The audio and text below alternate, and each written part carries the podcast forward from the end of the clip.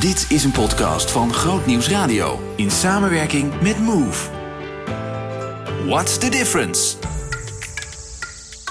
Een gesprek tussen een christen en een niet-christen over een specifiek thema. What's the difference? Vandaag kopkinderen. Een kopkind, wat is dat?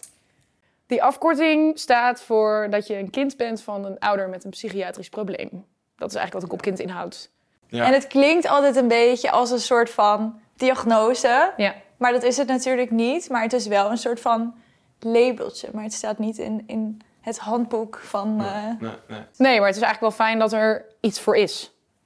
Dat ik denk van, hé, er is wel een categorie bedacht voor waar wij invallen. ja, dat vind ik dan ook. eigenlijk ook wel weer fijn.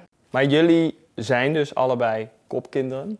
Ja. Ehm, wat hebben jullie eh, ouders dan? Ja, mijn moeder heeft een borderline persoonlijkheidsstoornis. Daarnaast heeft ze ook ja, trauma, problematiek, eh, eetproblematiek. Maar ik zie mijn moeder voornamelijk als iemand met een borderline persoonlijkheidsstoornis. Eh, mijn vader had ook psychische problemen. Hij had veel angsten en is uiteindelijk in een depressie gekomen en heeft een einde aan zijn leven gemaakt. Maar dat is al, eh, al heel lang geleden. Dus ik ben voornamelijk Heftig, met mijn ja. moeder eh, opgegroeid. Hm. Ja, Want hoe oud was je toen? toen eh, zes.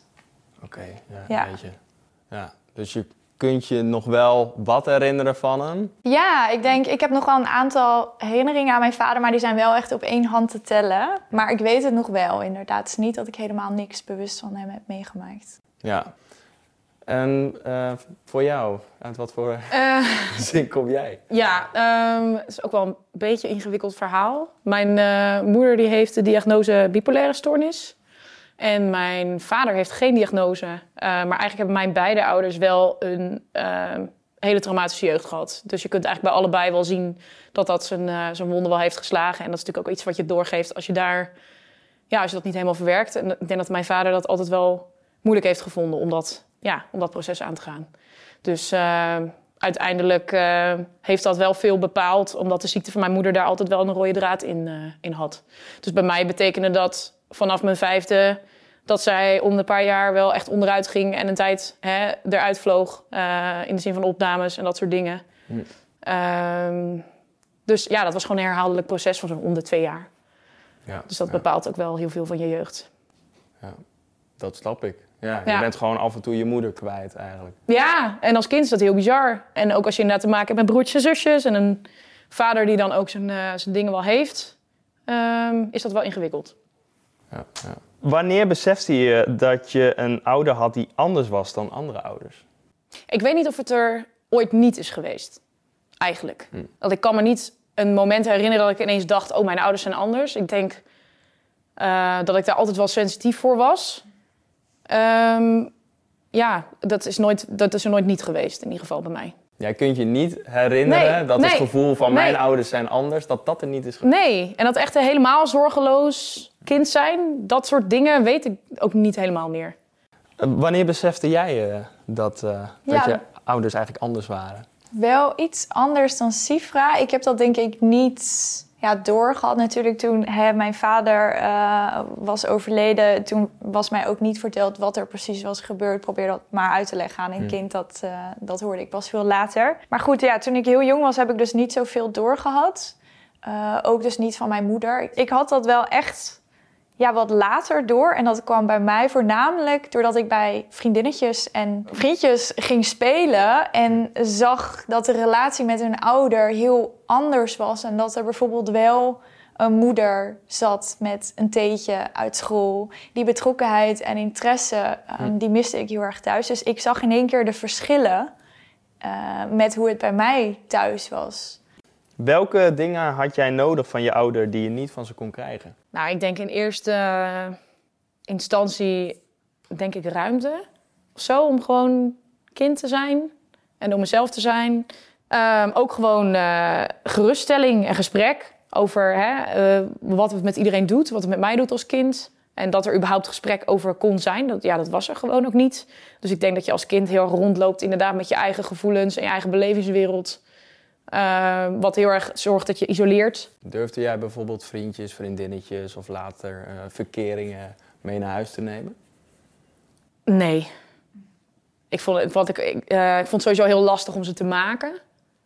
Eh, want ik denk dat ik al vroeg door had dat er wat mis was, mis was. Maar ik denk dat ik ook heel lang heb gedacht dat dat aan mij lag. Of dat ik daar iets aan kon doen, of dat het mijn schuld was. Ehm, en ik heb wel wat vriendinnetjes en vriendjes mee naar huis genomen. Die achteraf ook, hè, sommige heb ik nu nog, ik heb met een paar wel contact nog. En die zeiden ook van ja, bij jou thuis was het ook altijd wel een beetje raar. Maar buitenshuis afspreken was dan ook weer heel gek, omdat je dat mijn ouders dan bang waren dat er dingen buitenshuis besproken zouden worden. Of zo. Dat was ook wel een spanningsveld, heb ik gemerkt. En verkeringen, ja, eh, dat was ook niet echt eh, een succes om die mee naar huis te nemen. Nee, wat gebeurde er dan? Ehm, nou, sowieso werden ze dan wel echt meegezogen in wat er in ons gezin gebeurde. En dat is altijd wel heftig. Ik heb wel gehad met een relatie die ik, eh, die ik had, die echt op een gegeven moment thuis was toen het misging. Die was toen een tijd bij ons aan het logeren, want die kwam uit het buitenland. En hij zei echt van, wow, dit is echt heel bizar wat hier nu gebeurt. Gewoon die, situatie ontvouwde zich en het ging mis en escaleerde. Mijn moeder moest een tijdje weg. Ehm, en hij was daar getuige van. Ja, dat is heel bizar. Want eigenlijk weet je het ook niet tot je er getuige van bent, denk ik. Herken jij dat? Zeg maar dat je het lastig vond om mensen mee naar huis te nemen? Ja, en soms inderdaad was het ook echt wel zichtbaar dat er iets aan de hand was. Mijn moeder kon echt eh, woedeuitbarstingen hebben. En dan kreeg ik soms iets naar mijn hoofd waar een vriendinnetje bij was. Ja, schaamde ik me kapot natuurlijk. ik dacht, wat is dit? Ja. Ehm, en inderdaad ook daarna met verkering of zo was ik liever bij de ander thuis dan bij mij thuis. En als ze dan bij mij waren, dan gingen we wel op mijn kamer zitten en niet beneden. Terwijl in andere gezinnen kon je wel s'avonds beneden zitten. Maar Oh, bij dat- ons moest dat ook echt. Bij Oh, ons op ja. kamer zitten was echt een ding. Dat was echt niet... eh, wij leefden done. volledig langs Not done. elkaar heen. Ja. Bij ons eten allemaal apart. Dat is echt mijn trauma. Dat, Oh, dat ons mijn ouders niet. met mij wilden eten. En dus niet benieuwd waren naar mijn dag. Maar nooit, jij at nooit met je ouders. Nee, gewoon apart. Oh. Apart. En het liefst, ja, dat vind ik altijd heel lastig om te zeggen, omdat ik me daar echt voor schaam. Maar mijn Ja. moeder wilde altijd haar serie op tv kijken. En wij moesten allemaal stil zijn. Op een gegeven moment, hè, je, je bent natuurlijk ook 15, 16 jaar thuis, 17 jaar thuis. Ik ging echt een beetje in opstand. Ja. Ja. Waardoor het uiteindelijk ook niet meer ging. Maar dit zijn de dingen, die zijn voor mij heel traumatisch geworden. Want waarom wilde mijn ouder niet met mij eten? Waarom vonden ze dat niet belangrijk? In de Bijbel staat het gebod eer je vader en je moeder. Oh, deze vraag. Eer je vader en je moeder. Die tekst heb ik heel vaak gehoord als kind. Ik denk dat het heel belangrijk is je ouders te eren. En ik denk eh, dat we ze ook mogen eren voor de dingen die ze geprobeerd hebben goed te doen in ons leven. Want ik denk, in mijn geval hebben mijn beide ouders gewoon dingen meegemaakt. En voor mijn idee wel hè, geprobeerd in bepaalde mate om vanuit hun best te kunnen eh, hun kinderen op te voeden. Maar ik denk niet dat dat betekent dat ik hoef te zeggen van... hé, maar alles wat ze deden is goed. En ik denk dat ik daar de grens voor mezelf wel wat meer heb getrokken. Dat ik denk van ja, ik eer, ik eer ze voor wie ze zijn. En ik ben dankbaar hè, dat, ik, dat ik nog ouders heb. Maar dat betekent niet dat mijn ervaring niet valid is. Dat die niet geldig is of zo. Omdat zij hè, een andere intentie hadden dan dat hoe het bij mij bijvoorbeeld is binnengekomen. Of wat het bij mij veroorzaakt, Ja. wat we hebben meegemaakt. En eh, welke betekenis heeft dat eren dan voor jou gekregen? Een stukje vergeven, denk ik. Dat heb ik wel echt moeten doen. En ik denk dat ik dat soms nog steeds lastig vind met nieuwe, nieuwe dingen die je ontdekt. eh, hè, van trauma's of dingen die je hebt meegemaakt. Dat je denkt, oh, dat heeft me wel echt wat gedaan. En ik probeer dan wel eh, te voelen, want dat is belangrijk. Ik ben dat aan het leren. maar ook wel te zeggen van, hé, hey, ik probeer wel bewust ook te vergeven. En ik wil niet dat het in mijn hart iets veroorzaakt naar hun toe wat, wat negatief is. En ik wil daar verder geen termen aan hangen of zo. Maar ik denk dat het jezelf ook heel erg kan corrumperen als je dat soort negativiteit toelaat. Ehm, dus ik probeer het vooral eh, ja, wel in het gezicht aan te kijken en dan, dan, dan te verwerken en te vergeven en het los te laten. En, zodat ik hun ook kan, kan zien met een stukje genade voor wie ze zijn. Dus dat heb ik ook wel gemerkt over de afgelopen jaren, dat ik dat steeds meer kan. En daar ben ik ergens ook wel blij mee, want dat betekent ook dat ik me wat meer los aan het maken ben van wie zij zijn en dat ik ik mag zijn. Wat, wat eh, denk je daarvan als je hoort?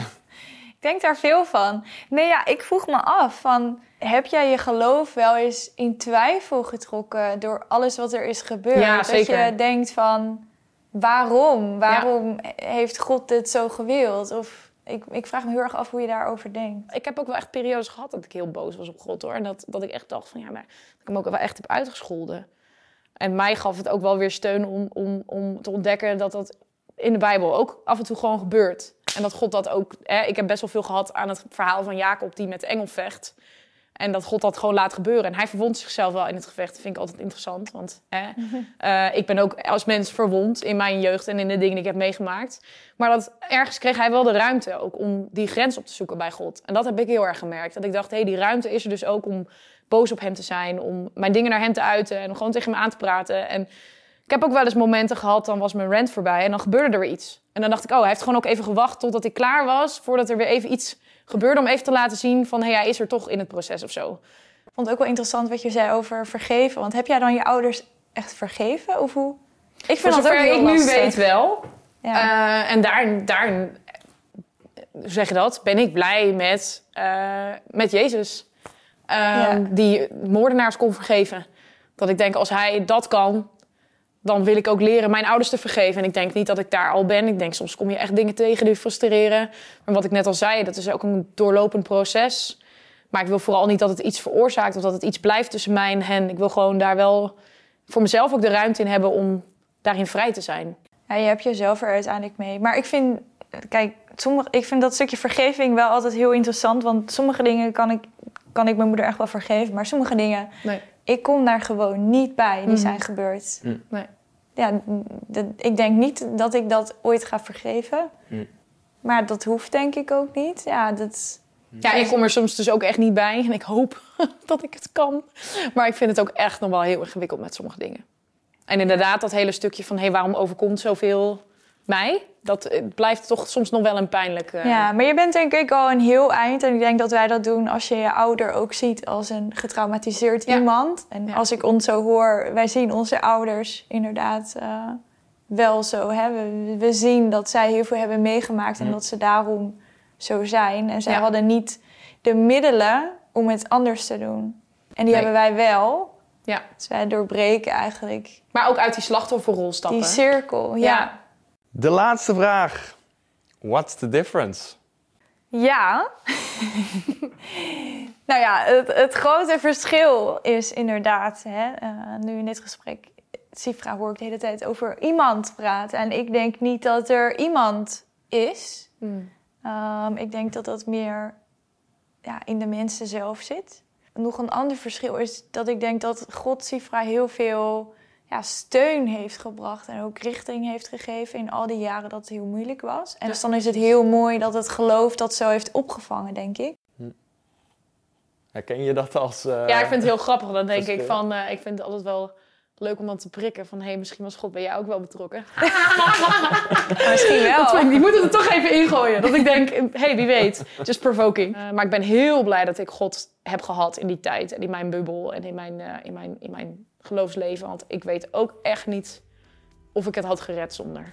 Zo interessant. Ik wist natuurlijk dat jij geloofde in God, maar ik wist helemaal niet. Ik bedoel, er zijn nog 50 smaken in, hè? Bij wijze van. Ik had geen idee. maar. nog veel meer, minimaal. Ja, precies. Ja, dus ik vind het wel allemaal heel uh, interessant. Zien in nog een podcast? Ga naar grootnieuwsradio.nl/slash podcast.